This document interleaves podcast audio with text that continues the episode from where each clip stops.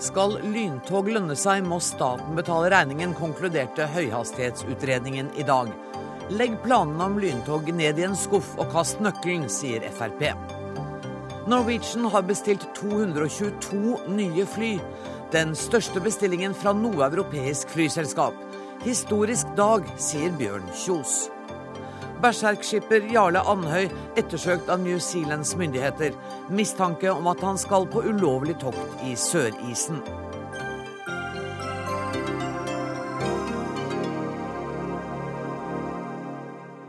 I denne sendinga skal vi også møte mannen som i går danset på bordet i yr glede, og som i dag forbereder seg til den store Oscar-festen. Filmskaper Halvard Witzøe kommer i studio. Men først i Dagsnytt 18 skal det altså dreie seg om tog. For tidligere i dag ble høyhastighetsutredningen lagt fram, og konklusjonen er at det er fullt mulig å bygge lyntog i Norge. Men staten må ta på seg byggkostnadene for at det skal være samfunnsøkonomisk lønnsomt. Tom Stillesby, du er prosjektleder for høyhastighetsutredningen 2010-2012 og overleverte sluttrapporten til samferdselsministeren i dag. Kan du kort fortelle meg hva de viktigste punktene i rapporten er? Det er som du sier, det aller viktigste er å få stadfestet at det er fullt mulig å bygge og drive høyhastighetsbaner i Norge. Det andre er at det er et veldig stort marked, og ikke minst et marked underveis. altså Det betyr folk går av og på toget mellom endepunktene. Utbyggingskostnadene er jo selvfølgelig betydelige, men disse varierer i veldig stor grad hvor mye tunnel det er langs de forskjellige strekningene. Eh, bedriftsøkonomien som du refererte til, den vil være positiv hvis da staten, som du sier, tar alle utbyggingskostnadene. Men du sa under presentasjonen i dag at byggingen vil ha negativ samfunnsnyttig verdi. Det er riktig. Hva man, betyr det? Det er eh, slik i Norge at man har definert eh, hvordan man skal regne samfunnsnytte i henhold til Finansdepartementets retningslinjer. Og hvis man bruker den metodikken, så vil alle slike utbygginger negativ, ha negativ samfunnsnytte. Men dere konkluderer med, eller kommer dere med en anbefaling her? Nei, vi kommer ikke med noen anbefaling. Vi kommer ikke med noe forslag heller. Vi peker på en strekning som vi mener ville være interessant å starte med hvis man skal bygge høyhastighetsbaner i Norge. Og det er? Det er Oslo-Kristiansand-Stavanger. Oslo-Kristiansand-Stavanger. Eh, et annet springende punkt har vært mengden klimautslipp i forhold til selve utbyggingen. Ja, det er riktig. Eh, det har vært stor debatt om. Her er det veldig viktig hvilke forutsetninger man legger til grunn når man diskuterer hvor mye CO2-utslipp man kan spare. Det er et faktum at man vil spare CO2-utslipp hvis man bygger og setter høyhastighetstog i, i drift. Men når vil man komme så langt at man er CO2-nøytral, da? Ja, det varierer da mellom de forskjellige strekningene, og veldig avhengig av mye tunnel der. Og den strekningen vi har regnet oss fram til, vil være den som er raskt nede på et klimabalansenivå, er Østerdalen. Hvilken strekning er, dere, er, er, er, det størst eh, økonomiske ulemper ved? Hva er den vanskeligste strekningen? Ja, den vanskeligste strekningen er jo der hvor det er eh, mye tunnel. Og der hvor det er mye tunnel, så blir det det dyreste utbyggingskostnadet. Og det er? Det er eh, f.eks. Sørlandet, eller over, over til Vestlandet, eller langs med vestlandskysten. Magnhild Meltveit Kleppa, samferdselsminister, hjertelig velkommen hit. Eh, hvordan reagerte du på de konklusjonene du fikk servert i dag? Jeg er veldig glad for at uh, det er teknisk mulig å bygge høgfart. Uh, vi er jo i gang med det. De siste prosjektene vi har tilrettelagt nå for utbygging på jernbane, der, der kan vi kjøre med 250 km. Så har vi nå fått et meget grundig og omfattende utredningsarbeid, eh, slik at vi kan ta stilling til ikke høgfart eller ikke, for vi bygger altså for det, men omfanget av eh, høgfartsstrekninger og eh, hvor raskt vi kan få dette til. Ja, ikke sant? Det er omfanget og tidsbruken som vil være viktig for dere. Ja. For det er ikke noen tvil om at i Norge nå så skal det bygges uh, jernbaner som kan gå i 250 km i timen. Ja, det er to ting. Det er omfanget, og det er Altså, når vi sier hvor raskt, så er det først og fremst hvor mye penger skal vi sette inn i dette. Hvor raskt kan vi ha så mye penger til disposisjon at vi kan få enda mer igjen for vår utbygging. Er det noe i det Tom Stillesby har sagt i dag som har overrasket deg? Jeg syns jo det er eh, meget interessant eh, det han sier om regional utvikling. Mm. Eh, altså at eh, utbygging av høgfartsstrekninger kan dempe presset på de største byområdene våre. Kan legge til rette for mer bosetting og næringsliv og aktivitet langs eh, strekningene, fordi her er det lagt opp til stopp underveis. Da sier jeg takk til Tom Stillesby for at du kom i studio, og inn er det kommet flere politikere. Og her kommer en til også. På Stortinget reageres det nemlig veldig forskjellig på utredningen som blir lagt fram i dag. Noen tolker rapporten som grønt lys for høyhastighetstog i Norge. Andre mener at den er spikeren i kista for hele prosjektet. Og blant eh, den siste gruppa tilhører du, Bård Hoksrud, nestleder i transport- og kommunikasjonskomiteen på Stortinget. Ja, det er klart Når man prater om nesten 900 milliarder kroner, og vi bruker altså på jernbaneinvesteringer under 5 milliarder kroner i året, så betyr dette et 200-årsperspektiv hvis vi skal ikke øke bevilgningene. Er det noen som har sagt at dere ikke skal det, ja? Nei, men nå er, ja, altså Utfordringa er at de som sitter ved siden av meg, er veldig opptatt av handlingsregelen. Nå har vi hele uka brukt tida på å fortelle at handlingsregelen er hellig, og det har jo også Jens Stoltenberg sagt. Og hvis den er hellig, så klarer man ikke dette løftet her. Men jeg tror at det er mye viktigere faktisk å både ruste opp den jernbanen vi har i dag, og bygge ut et moderne, effektivt veinett også. Det, og det klarer man ikke hvis man skal løfte dette til nesten 900 milliarder. Eh, da blir det ikke mye penger igjen til annen infrastruktur. Men ja, Så du ville heller at man skulle satse på uh, å bygge ut den jernbanen vi har, pluss bygge ut veiene? Ja, absolutt. Og det er jo også sånn at uh, jeg kommer fra Telemark, og når du kjører fra Larvik til Porsgrunn, så går altså enkelte steder i 20 km. Hvis det hadde gått i 150 km, så ville det vært oppfattet som lyntog. Men det er ikke, det er ikke lyntoghastighet. Men det ville oppfattet som en revolusjon i forhold til det man nå jobber ut ifra her. Hallgeir Langeland, du er medlem av transport- og kommunikasjonskomiteen på Stortinget for SV. Og jeg sa i eh, annonseringa til dette programmet at eh, politikerne krangler allerede, og det kan vi vel underskrive på. For du er jo virkelig en lyntogentusiast. Det er helt riktig. Jeg er kjempeglad for at eh, den utredningen som er kommet i dag Jeg har jobba for lyntog siden 1995. 900 milliarder kroner. Ja, Det henger Fremskrittspartiet seg opp i. Det henger ikke jeg meg opp i. For det men jeg som, gjør det også litt. Ja, ja, for, det gjør han foreløpig, men debatten skal nå gå. Det som er realiteten, det er at vi bygger lyntog allerede. På vei ned til Bård Hoksrud i Telemark så bygger vi altså i 250 km pluss. Det er lyntogkvalitet. Det betyr at Bård Hoksrud om få år kan reise på en lyntogstrekning hjem til sitt fylke hvis han vil ta toget, men det vil han jo sannsynligvis ikke. Så her er vi altså i gang med å bygge lyntoget. Det klimavennlige og framtidsretta lyntoget. Knut Arild Hareide, hva tenker du om uh, denne utredningen som kom i dag? Er du uh, enig med SV her? Iallfall helt enig i det Hallgeir Langland sier. Vi bygger jo lyntog uh, allerede i dag. Vi bygger opp mot 250 km i timen. Eh, så er det sånn at, så er jeg òg enig med det Kleppa sier i dag. Vi må selvfølgelig vurdere nå hva strekninger skal vi prioritere, i hvilken hastighet skal dette skje. Det må være selvfølgelig innenfor en svarlig ramme, men vi er nødt til å bygge et mer moderne jernbane i Norge. Men det som er veldig spennende med det som kom i dag, er jo at vi har ofte tenkt, hvis vi bygger da lyntog fra Oslo til Stavanger, at det har stor betydning for Oslo og Stavanger. Poenget er jo at det har enda større betydning for de som bor mellom, mellom. Mm. Oslo og Stavanger. For du kan jo da, hvis du da bor i Arendal eller i Tvedestrand eller i Kagerø Du kan bo akkurat der, og du kan jobbe både i Oslo og i Kristiansand. Og det er i det som skjer i Norge i dag, er at vi stimler oss inn i storbyene. Det blir mer og mer vekst der. Med lyntog, med jernbanesatsing, så får vi en vekst utover storbyene. Så dette er distriktspolitikk. Dette er regionalpolitikk. Og det er ikke så overraskende at Frp er negativ til jernbane. Nei, ja. de, de, sa for noen år siden at Norge var ikke egnet for jernbane. De ligger alltid noen vogner bak, de. Eh, og, og, og, og, nå vil jeg si at det Kleppa og Langland sier, de, de ligger nå blant de fremste vognene. Og, og dette det er, er det Dere er rett og slett lokomotivet, liksom, mens han er eh, Hoksrud er langt bak. Det, det, er ikke mye lokomotiv. altså Når KrF har 780 millioner kroner mer på samferdsel i året, og så er det tull det Langland sier. Det er ikke bygd for altså det, For det første så er, mangler det 6 milliarder kroner på at Eidangertunnelen ned til meg skal bli ferdig.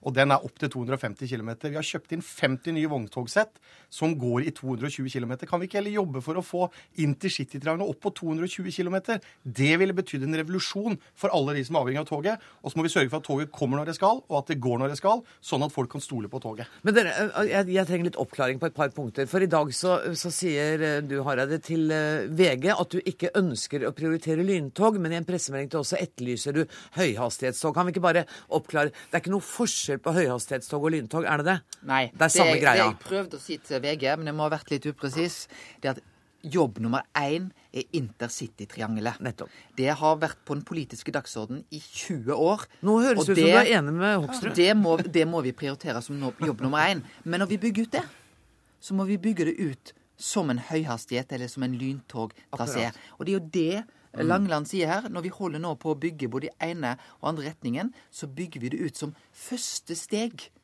på lyntogtraseen.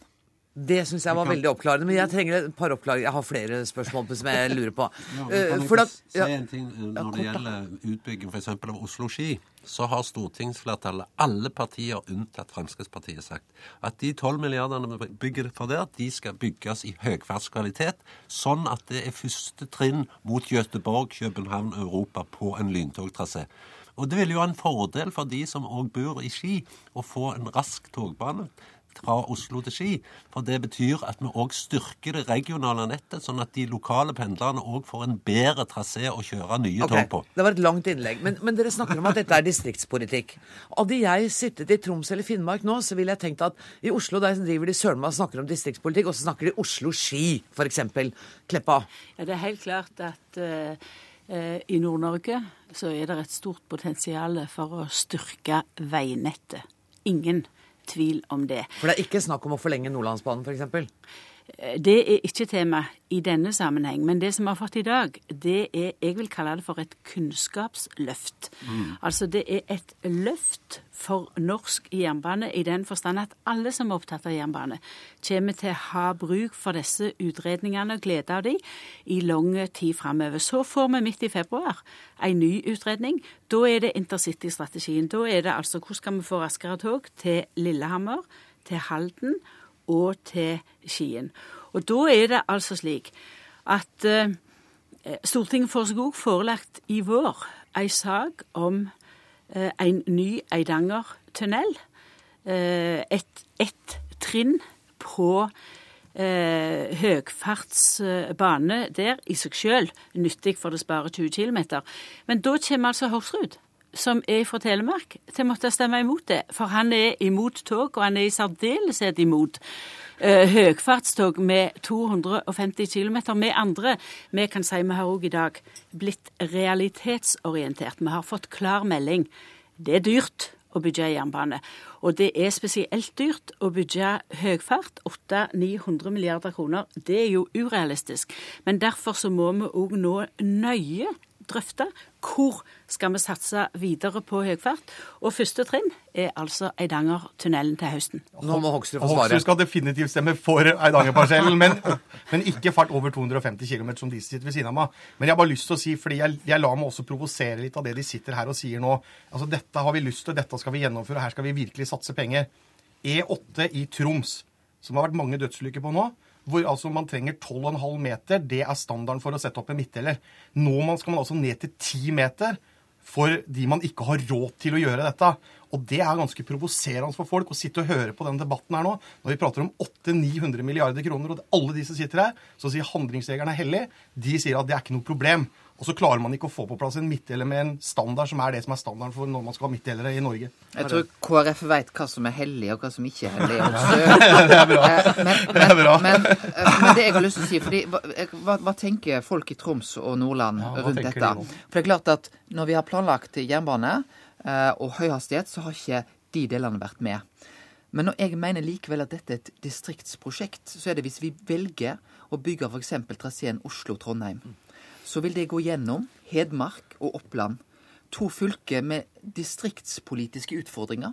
I deler av de fylkene så er det fraflytting. Dette vil kunne være med å gi en betydelig vekst.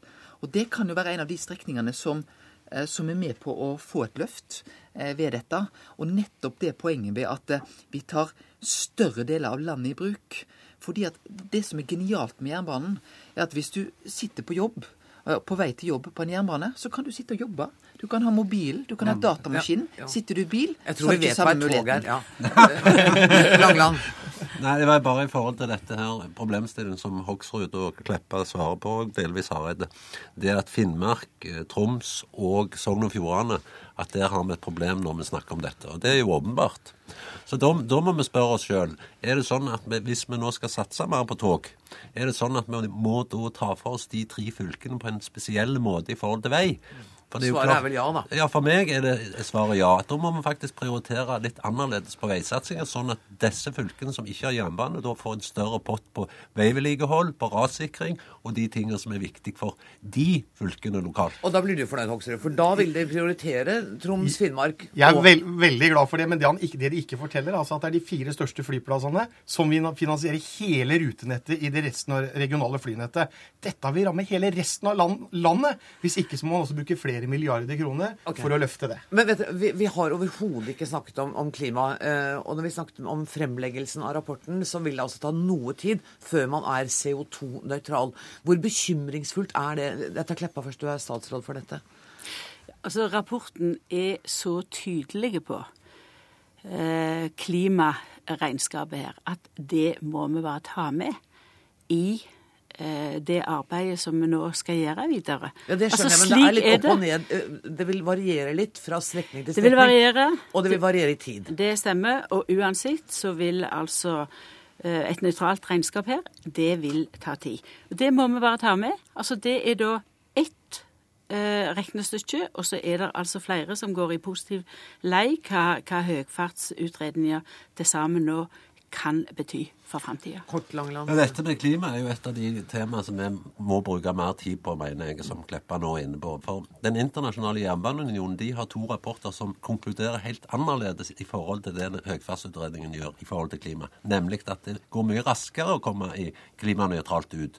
Så her må vi framover når vi har et år på oss, diskutere hvordan på en måte vi skal sørge for at et viktig bidrag ved togsatsing er å få ned klimagassutslippene. Og uansett, kan du si, hvis vi bygger flotte lydtogtraseer, så trenger ikke vi forurensende motor, firefelts motorveier. Da er det sånn at det faktisk kan slutte å bygge motorvei i sentrale strøk, men vi kan prioritere da Sogn og Fjordane, Troms og Finnmark. Og der tente Hoksrud igjen, gitt. Ja, altså, det, det, for det var jo det dette her skulle være. Det skulle være et skikkelig klimaprosjekt. Virkelig, Nå skulle vi virkelig satse på å løse klimaproblemene. På 60 år kommer det til å skje en revolusjon både innenfor fly, innenfor bil og all annen infrastruktur. Vet du hva, Der fikk jeg stikkordet, for det neste vi- temaet vi skal snakke om, er fly. Så da sier jeg tusen takk til Bård Hoksrud, Hallgeir Langeland og Knut Arild Hareide og statsråd Magnhild Meltveit Kleppa. Dagsnytt 18 alle hverdager klokka 18.03 på NRK P2.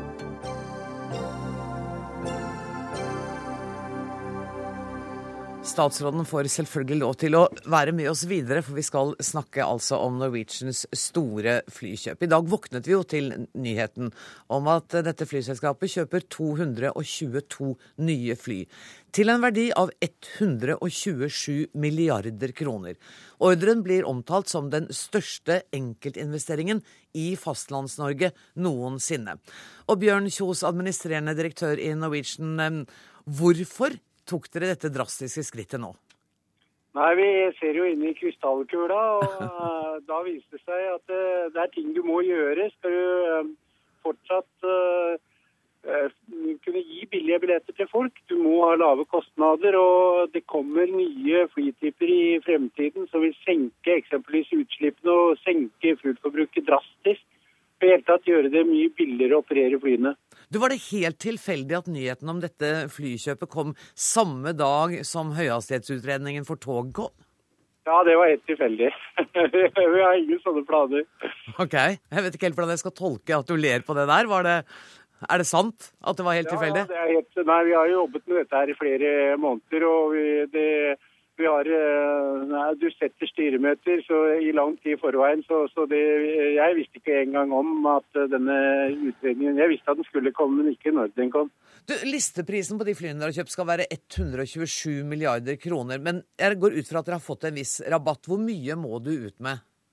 Jeg vet Det er lovet, eh, eller det er skrevet under både i en erklæring hos Airbus og hos Boeing at det har jeg ikke lov å fortelle. og han Bjørn han holder løftene sine, vet du. Men det, hvis jeg antyder at rabatten i den størrelsesorden som vi snakker om her, kan ligge på rundt 40-45% er jeg langt unna da? Eh, ingen kommentarer. Men, du, men hvordan finansierer dere dette, og over hvor lang tid? Vi finansierer dem sånn, slik som vi har finansiert de, um, de øvrige flyene våre. Men nå har det, en, det er en forskjell på dette. fordi at når vi gikk inn i disse forhandlingene, så sa vi følgende til uh, fabrikantene. Vi skal ikke være avhengig av å gå og hente inn penger inn i markedet til selskapet. Fordi at uh, det er veldig vanskelig i uh, disse tidene. Dessuten så sa vi også at eh, vi skal ikke være avhengig av bankene, for bankene var også, har jo også eh, store problemer med å finansiere, i hvert fall ute i Europa. Og eh, følgende skal vi kunne ha finansieringsbetingelser som gjør at dette kan vi greie uten problemer å løfte på egen kjøl. Hva er tidsperspektivet da? Ja, da Tidsperspektivet da, når vi får flyene frem til 2016-2017, så da, da kommer jo finansiering på flyene inn. Men da har, vi for, da har vi forutsatt at det skal være såkalte eksportgarantier på flyene. Dvs. Si at eh, USA garanterer for 85% av kjøpesummen mot de bankene som finansierer, og det samme gjør eh, det såkalte ECA, eller eh, de eh, som står bak de europeiske garantiene for Airbus. Tusen takk for at du var med oss i Dagsnytt 18, administrerende direktør i Norwegian, Bjørn Kjos. Knut Morten Johannessen, du er informasjonssjef i SAS. Hvor ble dere overrasket i dag? Ja, vi ble overraska, vi òg, sånn som eh, Tatt alle på senga, kanskje? Eh, vi i hvert fall eh, tenkte at nå har kjoseren vært på januarsalg. Ja, for du tror også at han har fått noe rabatt her? ja, absolutt. Og, og vilkårene eh, for langtidskontrakter, som det, langtidsordrer som det her er snakk om, har bedre betingelser nå enn for bare noen få år tilbake. Hvor alvorlig er dette for SAS? Nei, så eh, Hvis flyene kom i morgen, så ville det ha vært eh, alvorlig for flere selskap enn eh, SAS, sannsynligvis for Norwegian også. Men eh, vi eh, har også fly på gang. Et av flyene som Kjos nå har kjøpt, er jo A320 Neo. Ja, en Airbus, altså? Det er en. Airbus, og den eh, har vi levering på i eh, 2016. Ja, men ikke 222? Nei, Men, eh, men eh, totalt med 737 så er vi oppe på 66 fly, og det er på et langt kortere perspektiv. Så vi er også med, og vi har også løpende vurdering for framtida. Men dere har, dere har mm, opplevd denne konkurransen fra Norwegian. Dere har blitt tvunget til å skjerpe dere. Definitivt. Og jeg tror eh, det er riktig å si at eh, Norwegian har eh, gjort SAS bedre. Og så tror jeg også vi kan si at Norwegian i konkurranse med SAS har gjort at de også strekker seg for å nå SAS sin kvalitet. Og det er jo i dette landskapet vi beveger oss i Norge, og det reisende publikum tror jeg skal være veldig glad for det som, som skjer i konkurransen. Det har vært turbulens rundt SAS i flere år, og det har vært også snakk om at, man, at staten skulle trekke seg ut av dette. Føler dere eh, at den situasjonen igjen er aktuell nå, at det kommer til å komme en politisk diskusjon om SAS i Norge? Nei, I forhold til det så har vi ikke gjort oss så veldig mange tanker. Eh, I løpet av de tre siste årene så har 4800 medarbeidere gått i SAS. Nå har vi akkurat annonsert at eh, 300 administrative funksjoner også skal gå. Vi har et kontinuerlig besparingsprogram, og vi effektiviserer stadig vekk. Parallelt med det her så har vi klart å bli Europas mest punktlige selskap tre år på rad. Og for de som er igjen i selskapet, og vi øker jo stadig antallet flyvende, for vi vokser vi også, så skal disse berømmes. Det leveres høy kvalitet hele veien. Samferdselsminister Magnhild Meltveit Kleppa, du eh, har jo sittet rolig og tålmodig og hørt på både representanter fra Norwegian og fra SAS. Hva tenker du om dette storkjøpet som eh, Norwegian har gjort i dag? Jeg eh, kan jo ikke kommentere verken investeringene eller, eller statens sitt eierskap i SAS. Å, litt, kan du ikke det litt? Grann? Nei, det tilligger ikke meg. Men det er ikke mitt ansvarsområde. Men det som, men det som jeg syns er fint, eh, som her blir understreket fra SAS, det er jo for det første at de gjør hverandre gode. For det andre eh, så må jeg si som samferdselsminister at Norge er jo et land som er avhengig av luftfart. Både nasjonalt og internasjonalt. Slik vil det være òg eh, framover. Folk i Norge reiser mye. Eh, og når det her blir gjort et eh, kjøp som bidrar til reduserte klimautslipp, så er jeg veldig glad for det. Sånn at det at man nå har fått en utredning om høyhastighetstog, det gjør ikke at eh, man skal satse mindre, eller at det kommer til å være færre som flyr i Norge, mener du? Jeg tror med den geografien vi har, så må vi erkjenne at eh, luftfart er vi avhengige av. Og det tar vi òg på alvor. og vi tar på alvor at folk reiser mer. Vårt selskap er Avinor. de håndterer 46 flyplasser. Og når de nå eh, vil bygge ut en terminal 2 på Gardermoen, eh, så får de mulighet til det. Og det betyr jo at det er plass for flere fly totalt. Tusen takk for at dere kom i studio. Nå skal jeg takke av Magnhild Meltveit Kleppa, som er samferdselsminister, og Knut Morten Johansen, informasjonssjef i SAS. Og inn i studio kommer Siri Pettersen Strandnes, professor ved Norges handelshøyskole, og Steinar Mediås, økonomikommentator her i NRK.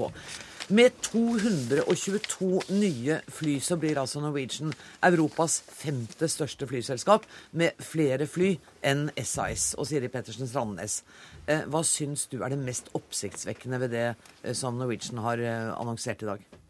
Det er jo selvfølgelig størrelsen som er det oppsiktsvekkende. Men på den annen side, når man ser på den veksten Norwegian har hatt i sin tiårige levetid, så er det i tråd med det de har gjort før. De har overrasket oss før. Mm.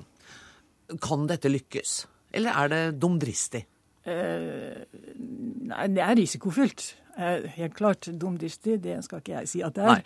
Eh, men eh, vi skal jo være klar over at er, flyene kommer fra 2016, og de kommer ikke alle på den tiden.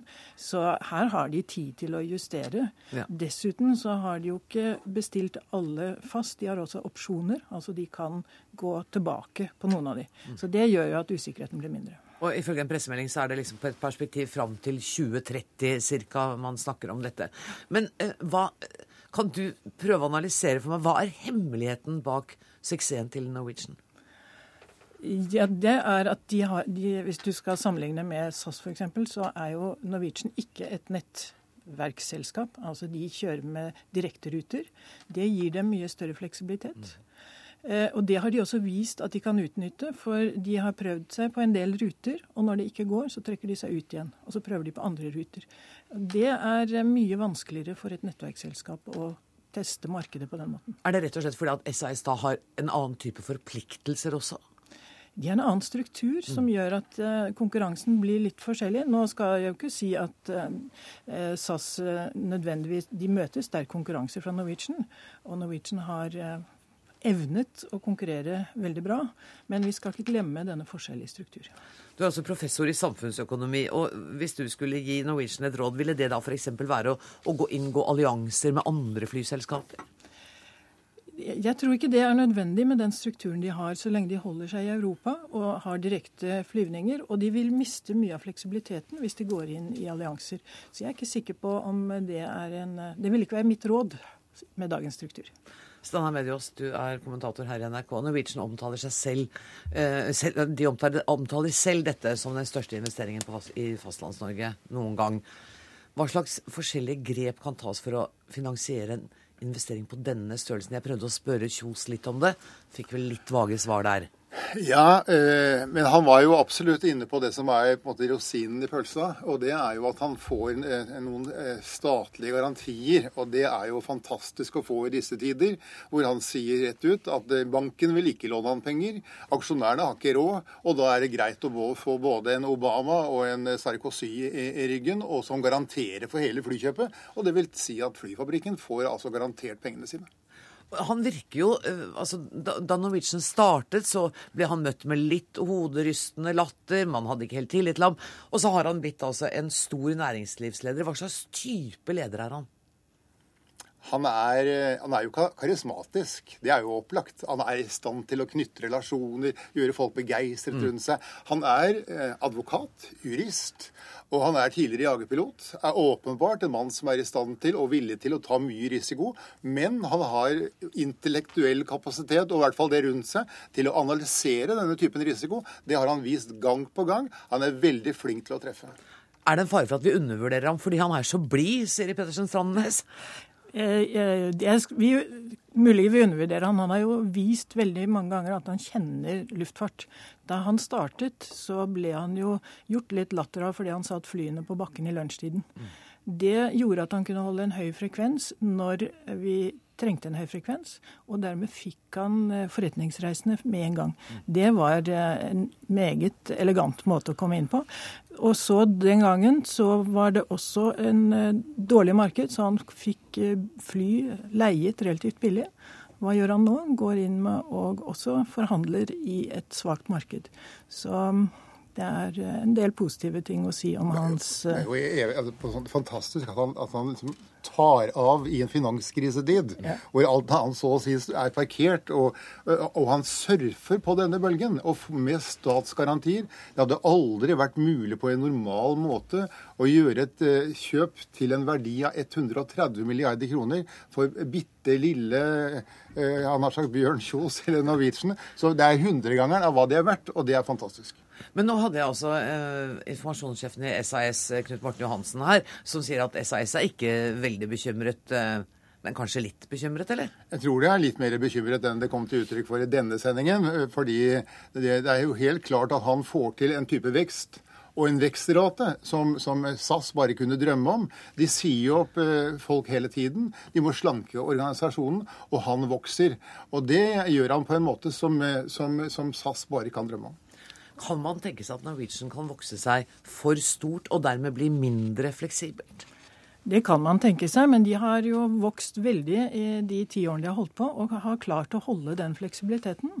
De har et uh, markert lavere kostnadsnivå enn uh, SAS.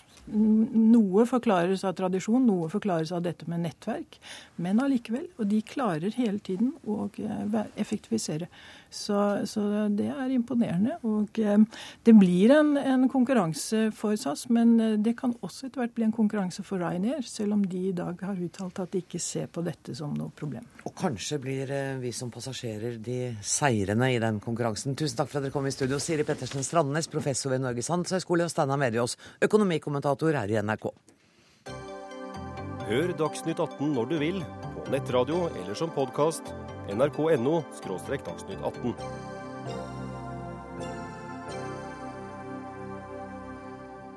Vi skal til New Zealand og nyhetene derfra om at myndighetene der leter etter den norske skipperen Jarle Andhøy. Etter det NRK kjenner til, skal Andhøy ha reist fra havn i New Zealand med kurs for Antarktisk for, etter det vi vet, å lete etter berserk og for å fullføre målet om å ta seg til Sydpolen. Et forsøk i fjor endte i tragedie da tre av mannskapet omkom i Ishavet. Jan Gunnar Winther, du er direktør ved det norske Polarinstituttet. Norske myndigheter har advart mot at Andhøy eh, planla et nytt forsøk på å nå Sydpolen. Hvorfor det? Ja, det er ikke riktig at vi har advart, men vi har eh, eh når vi fikk meldingen fra Jarle Andøy like etter han kom tilbake i fjor om den aktiviteten, så inneholdt den så lite informasjon at ikke vi hadde grunnlag for å vurdere den. Og vi hadde flere purringer og oppfordringer om å gi oss informasjon, og det fikk vi ikke. og Derfor har vi ikke godkjent den aktiviteten som, som nå kanskje vil spille seg ut i Antarktis. Men, men, hvis det nå skulle være riktig at han er på vei til Sydpolen, har han dermed brutt norsk lov? Nei, enn så lenge så har ikke Jarle Andøy gjort noe galt. Det er først når han krysser 60 grader sør, som da er omtrent midtveis mellom New Zealand og Antarktis, at han eh, bryter forskriften for Antarktis. Dere er bl.a. Norges utøvende miljømyndighet i Antarktis. Hva kan dere gjøre for å hindre Andhøy nå? Vi har ingen uh, hjemling eller muligheter for å hindre, så norske myndigheter vil eller kan ikke gjøre noe før eventuelt Jarle Andøy kommer sør for 60 grader. Dere har uh, visst om eller hatt mistanke om Andhøys planer en stund, har dere ikke det? Ja, Som jeg sa, i mars allerede i fjor så, så beskrev Jarle Andøy, men med veldig liten detaljeringsgrad, eh, at han ønska å returnere til, eh, til, dette området hvor Berserk eh, forsvant i fjor, og, og bl.a. lete etter båt og mannskap og, og ha en seremoni. Men siden mai i fjor så har ikke vi hatt noe kontakt fra Andøy. og det var vi, ingenting dere kunne gjøre for å stanse ham nå? Vi har ingen muligheter til Nei. å gjøre det. Vi har med oss William Ray, som er reporter fra Radio New Zealand. Good morning, William. Good morning. Oslo speaking to you. Um, what are the latest news in New Zealand about Mr. Andhøy and his boat?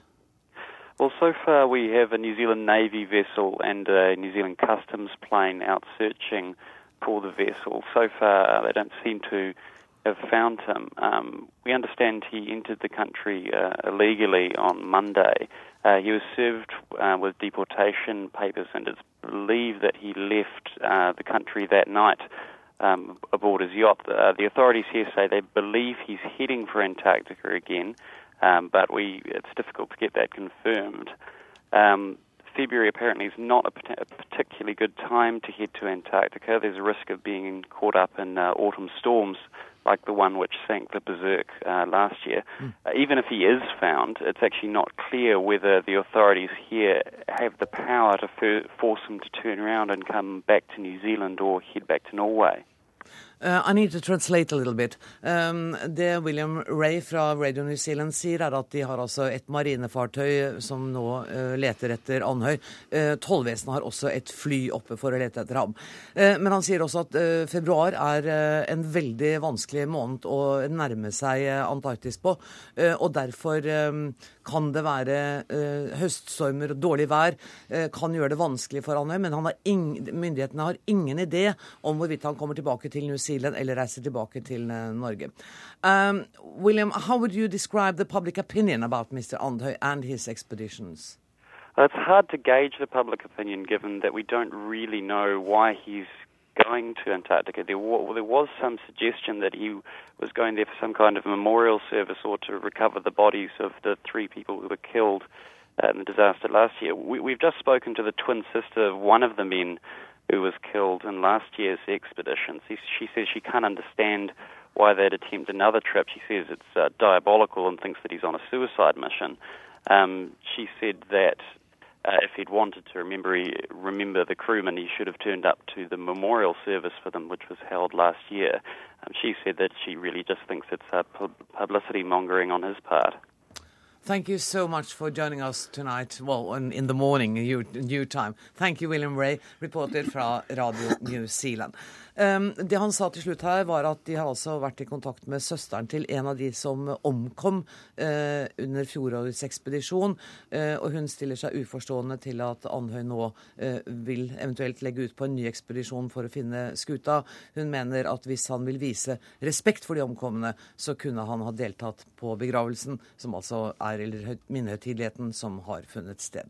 Vi har vært i kontakt med Andhøys advokat og talsperson Nils Jørgen Vårdal, som viser til en pressemelding som kommer til å komme fra Andhøy om dette. Vi har også prøvd å kontakte Andhøy selv uten hell. Lars Ebbesen, du er polfarer og har selv vært i eh, Antarktis. I Dagsnytt hørte vi at du er kritisk til ekspedisjonen.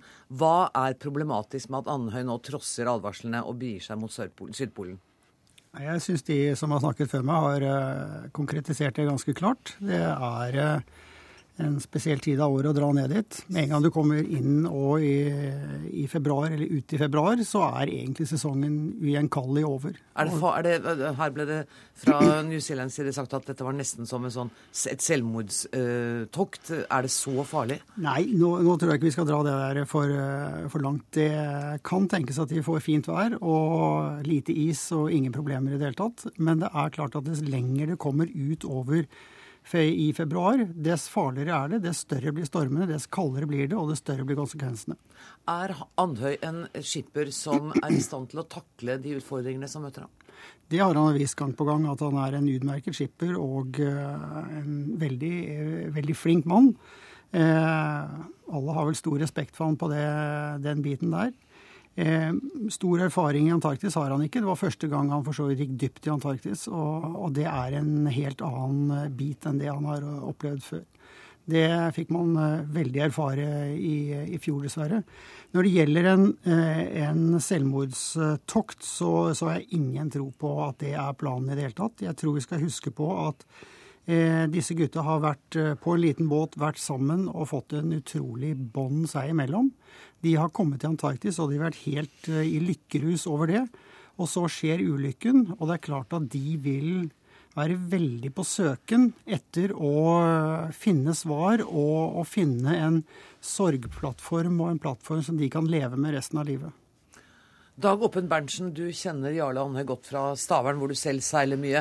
Og han legger altså nå ut, etter det vi hører, på en ny farefull ferd mot Antarktis. Er han dumdristig? Eh, det tror jeg ikke jeg skal mene noe særlig om. Men uh, jeg syns at Lars Ebbesen her er inne på et veldig sentralt poeng. Og det, jeg tror det er mennesket Jarle Andøy nå som søker løsningen på en gåte som for ham er helt uforståelig. Og det er vel det han har uh, prata mye med meg om. da, altså Hvorfor letta de anker? hva, hva var det som gjorde at de forlot ei presumptivt uh, trygg havn, og helt ideelt, da, ideell havn altså i forhold til den vindretningen som det uværet skulle komme fra. Uh, var det ankeret som løsna? Var det en aktiv handling fra dem som gjorde at uh, de dro ut? Eller blei de jaga derfra? Eller hva, hva har skjedd? Det, alle de spørsmålene der tror jeg de, de hjemsøker Jarle hele tida. Så jeg tror at han, han, søker nok svar på det. Så jeg tror at det Lars er inne på her, tror jeg er helt, helt essensielt i forhold til motivasjonen for Jarle å dra nedover. Han reiser dit for å finne svar på disse spørsmålene, har han sagt det? Ja, det har han sagt, og det sa han veldig klart fra når han vi, Jeg gjorde noen synge- og dansenummer sammen med Jarle i Bølgen i Kulturhus Bølgen i Larvik. Uh, i fjor, hvor han gikk igjennom da viste deler av filmen da, som heter 'Siste reis'. og en sterk opplevelse for øvrig. Og for alle som var til stede. Og, og han gjorde rede for hva, hva, han hadde fått av informasjon uh, av de andre. Hadde han da en teori om hva som kunne ha skjedd med skuta? Nei, Jarle er ikke en mann som uh, er veldig lett å få til å spekulere, liksom. Han, uh, han, sier ikke så mye rundt akkurat det. I hvert fall ikke sånn som jeg kjenner ham. Han, men han, han, er veldig sånn Han er, han er søkende. Det er han. Men han, har, han, han, spekulerer ikke veldig mye altså, i, i, forskjellige ting. Han, han, vil se, tror jeg, med egne øyne. Og så tror jeg det uh, I hvert fall ville jeg tenkt sånn at jeg, jeg, uh, jeg, tror det er veldig mye terapi i det han gjør nå. Uh, ja. Men han har ikke tillatelse fra Norsk Polarinstitutt til å dra dit, og newzealandske myndigheter mener at han har oppholdt seg i landet ulovlig. Hvor bekymringsfullt er det at han ikke har papirene i orden? Ehm, jeg vet ikke om det er Jeg, jeg er jo ikke rette mann til å uttale meg om det, men, men, hvis jeg skal mene noe om det, så ser jeg Jeg bare observerer at, eh, at det er kanskje to verdener her som, eh, som, eh, som møter hverandre, som, som, tenker veldig forskjellig. Jeg tror at Jarle, Jarles hode og hjerte er hos sine tre kamerater, og, og han ønsker å finne svar på det.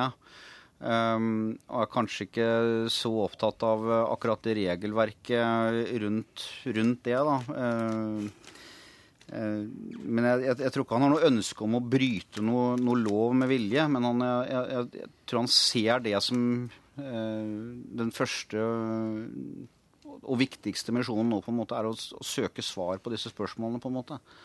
Lars Ebbesen representerer en ytterligere risiko, det at han ikke har alle papirene i orden, og at vi hørte nå at et marinefartøy er på jakt etter ham, eh, tollvesenet er oppe i et fly og leter etter ham. Forvansker det situasjonen for ham? Helt klart. Eh, det er ingen tvil om at eh, denne dette plottet blir tjukkere og tjukkere, og det er eh, veldig lite morsomt. Og jeg syns det er veldig kjedelig at det er kommet til det nok en, eh, nok en gang. Hvem er det sin skyld, da? Her er du inne på mye morsomt. Uh, Jarle er selvfølgelig skyld i det, for han går, går inn i det. Eh, og han ble advart eh, i fjor, og han burde helt klart tatt sine forholdsregler neste gang. jeg tror vel at uh, Winther og de oppe på Polaris er såpass fæle at han hadde kommet med en ordentlig søknad og en ordentlig løsning på, på en tur ned, så hadde han fått de tillatelsene han skulle. Det som er viktig med en tillatelse, er at får du den, så er, vet de som gir det, at det er et system rundt det, at du ikke setter andre i unødig fare om noe skjer. Og det er en viktig bit her. Mm. Helt til slutt, eh, Dag Oppen Berntsen. Eh, vet du noe om når han har planer om å returnere til Norge? Nei. Det har han aldri nevnt noe for, for mitt vedkommende. Heller ikke at han har noen planer om å nå Sydpolen på nytt. Det er helt nytt for meg i hvert fall. Ok, Da sier jeg takk til dere to, Dag Oppen Berntsen og til Lars Ebbesen. Takk skal dere ha. For et år siden i dag samlet egyptere seg på Tahrir-plassen i Kairo og krevde president Hosni Mubaraks avgang. Bare en måned senere ble den gamle diktatoren avsatt, og denne uka ble et nytt parlament valgt i Egypt. Hvor står vi nå, ett år etter? NRKs Midtøsten-korrespondent eh, Sigurd Falkenberg Mikkelsen, hvordan er stemningen i Kairo på ettårsdagen? Den er eh, ganske elektrisk. Det er eh, svært mange mennesker ute i gatene. Eh, flere enn jeg har sett under også de store revolusjonsdagene. Eh, kanskje er på høyde med de virkelig store mobiliseringsdagene, og kanskje enda flere. Eh, og Det foregår enn så lenge i rolige former, der alle politiske sjatteringer å se og høre på Tarifplassen. Har vært store marsjer rundt om i byen, da, som alle har ledet til Tarifplassen i løpet av dagen. Så får vi se hvordan det går utover, utover kvelden. Men, en, men som fram til nå så har det altså vært en, vært en eh, god og, og, aktiv politisk stemning. Men mange da med forskjellig budskap. Noen er der for å feire, andre for å demonstrere mot uh, militærstyret. Og håpet etter det som kalles 25. januar-revolusjonen var jo et velfungerende demokrati. Dit er det vel et stykke vei igjen? Ja, det er det definitivt. Samtidig har det skjedd noe, noe grunnleggende nytt. Eh, det parlamentet som ble valgt inn eh, og som samlet seg på mandag, eh, det var det frieste i Egypts moderne og nye historie. Selv om valget var Det var en del problemer knyttet til det. Og selv om da dets rolle er uklar og militæret fortsatt har svært stor makt. Så er forandringer på gang, men det er sakte og det tar tid. Egypt er et gigantisk land, det aller største i Midtøsten. Og Eh, det er, en, det, er en, det er en krevende prosess med mange forskjellige interesser. Men jeg tror at mange har nok vært ganske definert, deprimerte, i hvert fall på den revolusjonære siden en periode. Men eh, det jeg får inntrykk av i dag, er at vi har funnet mye ny energi i, i dagens store oppmøte. Nå er det Det muslimske brorskap og de mer ekstreme salafistene som har fått fullt flertall i Underhuset i parlamentet. Var det overraskende? Det var nok overraskende at det ble så stort. Eh, de aller fleste hadde regnet med at eh, både særlig det muslimske brorskapet skulle gjøre det bra, eh, men at salafistene, de ytterliggående, det ytterliggående partiet Al-Noor, som ble stiftet bare et par måneder før valget, skulle ende opp med nesten kvartparten av representantene i nasjonalforsamlingen, det var overraskende, selv om de ideologiske understrømningene det siste har vært svært tydelige. Eh, men nå er det da opp til de, de, liberale kreftene å reorganisere seg. De har muligheten, de har en politisk arena. Eh, men det er, en, det er et komplisert spill nå mellom eh, da, aktivister på gaten, parlamentet, hvor da islamistene dominerer, og så har du da militærrådet, som sitter fortsatt med svært stor makt. og Alt dette skal jo da gjennom en grunn, ny grunnlovsskriving og et presidentvalg i juni.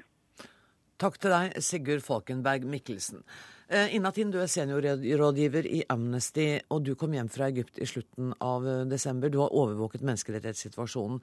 Kan ikke du fortelle litt om hva du så? Jo, eh, det var også veldig blandet, på samme måte som Sigurd Falkenberg Mikkelsen forteller fra Kairo nå. Det var på den ene siden et fritt valg, ja, og veldig stolte egyptere. Eh, som nettopp stemte for første gang. Mange fortalte at det var første gang de rett og slett gadd å stemme, fordi de følte at for en gangs skyld så hadde stemmen en betydning. Eh, så det var en sterk opplevelse, en positiv, sterk opplevelse. På den annen side så var vi der for å se på menneskerettslige konsekvenser av den volden som hadde utspunnet seg i november. Da var det store sammenstøt på Tahrir-plassen. Eh, hvor sikkerhetsstyrkene virkelig gikk veldig brutalt til verks. Så vi var på sykehus og snakket med 15-16-åringer som var blitt skutt i halsen og skutt i magen eh, med skarpe skudd. Av eh, militære? Av sikkerhetsstyrker, ja. Vi intervjuet torturofre som var blitt arrestert og banket opp fordi de demonstrerte på plassen og voldtatt i arresten, sluppet fri etterpå uten noen tiltale. vi snakket med familiemedlemmer til noen av de 12 000 eh, som er blitt stilt for militære domstoler i Egypt siden Mubarak falt. Eh, Så det er de 12 000 som er stilt for de militære domstolene, det er sivile som har brukt sin ytringsfrihet og sin forsamlingsfrihet. Eh, Så den undersøkelsen som de militære har gjort seg skyldig i siden Mubarak, er det samme som, de, som metodene under diktaturet.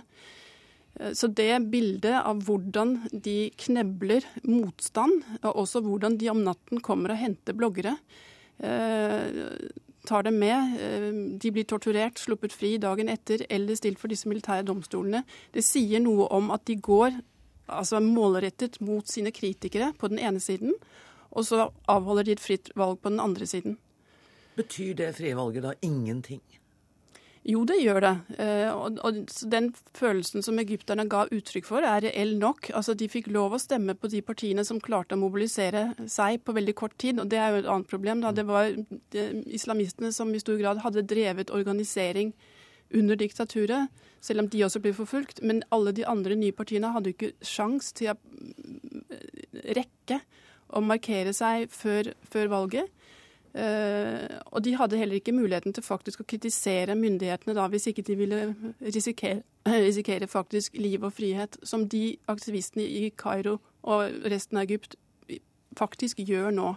Så det som er viktig nå, er å vise at man ser at det skjer, og vise solidaritet med de aktivistene som tviholder på at den såkalte eh, 25. januar-revolusjonen må fortsette. Det er ikke demokrati i Egypt nå, eh, og kampen må fortsette, men de trenger støtte. Eh, Så det er viktig at omverdenen ikke eh, la- lar det fortsette å skje, men sier fra til de militære makthaverne i Egypt nå at vi ser at det foregår, og at vi må støtte opp om reelt demokratiarbeid. Og Amnesty kommer i hvert fall ikke til å sove i forhold til situasjonen der. Tusen takk for at du kom i studio, Inatin, seniorrådgiver i Amnesty International.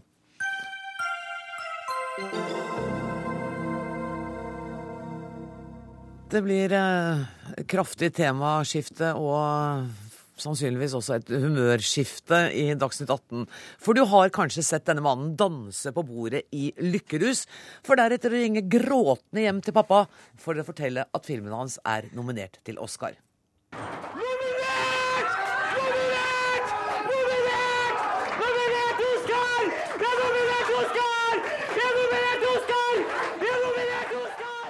Velkommen hit, eh, Halvard eh, Witzøe. Er det nesten litt flaut å høre det igjen, eller? Det er litt, altså. Men jeg, jeg kjenner jo meg sjøl, og jeg prøvde å være ganske rolig den dagen. Men jeg er veldig sånn at eh, når jeg har noe emosjonelle utbrudd, så skjer de på ti og et halvt sekund, og så er det ferdig. Og okay. så senker roen seg. For det var ikke en veldig rolig og behersket Jeg satt og så det på Dagsrevyen og tenkte er det mulig? Men vi må bare forklare. Du er altså nominert til eh, Oscar for din film 'Tuba Atlantic'. Eh, Litt alvor først. Jeg får vite litt hva den, den handler om forsoning. Ja, den handler om å ta kontakt før det er for seint. Det handler om Oskar, som er en gammel mann som bor ute på vestkysten i Trøndelag, og han prøver å kontakte broren sin før han dør. Han har en, han har en veldig sånn eh, konkret klokke, og det er seks dager igjen til han skal dø. Det sier legen. Det er en ganske sånn spesiell eh, legeerklæring, da. kan Ja, si. det kan man si. Og han har en stor, uforløst sak han skal ordne Ja, på de han har seks ikke snakka med broren sin på 30 år, men måten han skal snakke med ham på, er jo han, eh, de siste, han har en liste med telefonnummer, og alle de funker, funker ikke lenger. Han kommer liksom ikke fram til han. Han vet bare at han bor i New Jersey. Enten så er han død, eller så er han i live. Og det, det eneste han har, er en gigantisk, merksnodig tuba på 40 tonn og 20 meter lang og 10 meter høy, som i teorien, da, mens når de bygde den når de var små og fortsatt venner, så skal den blåse en lyd da under stratosfæren hvis det blåser i rett retning, og så skal den høres i New Jersey. Og da vet han, hvis han klarer å få til det, så hører broren at det er han. Hvor kan jeg se denne filmen? Den? Du kan se det på NFI sine sider. På Norsk Filminstitutts, Ja, eh, det er sånn, eh, noe som heter Filmarkivet, og der kan man se den. Da har Altså- vi sagt det til alle lytterne og seerne våre. Det, og så, Vi må over til det liksom glamorøse. Du skal på den Oscar-festen, ikke sant? Ja, det skal jeg. Er, er klærne Har du bestemt deg for hva du skal ha på deg? Du, jeg skal ha på meg bunadsslips. Eh, fra Trøndelag. Okay. Og det er sånn eh, håndbrodert eh, slipp som var borti veldig populært. Det har jeg fått i gave av Midtnorsk Filmsenter, så det skal jeg, det har jeg lovt at jeg skal bruke, så det skal jeg gjøre.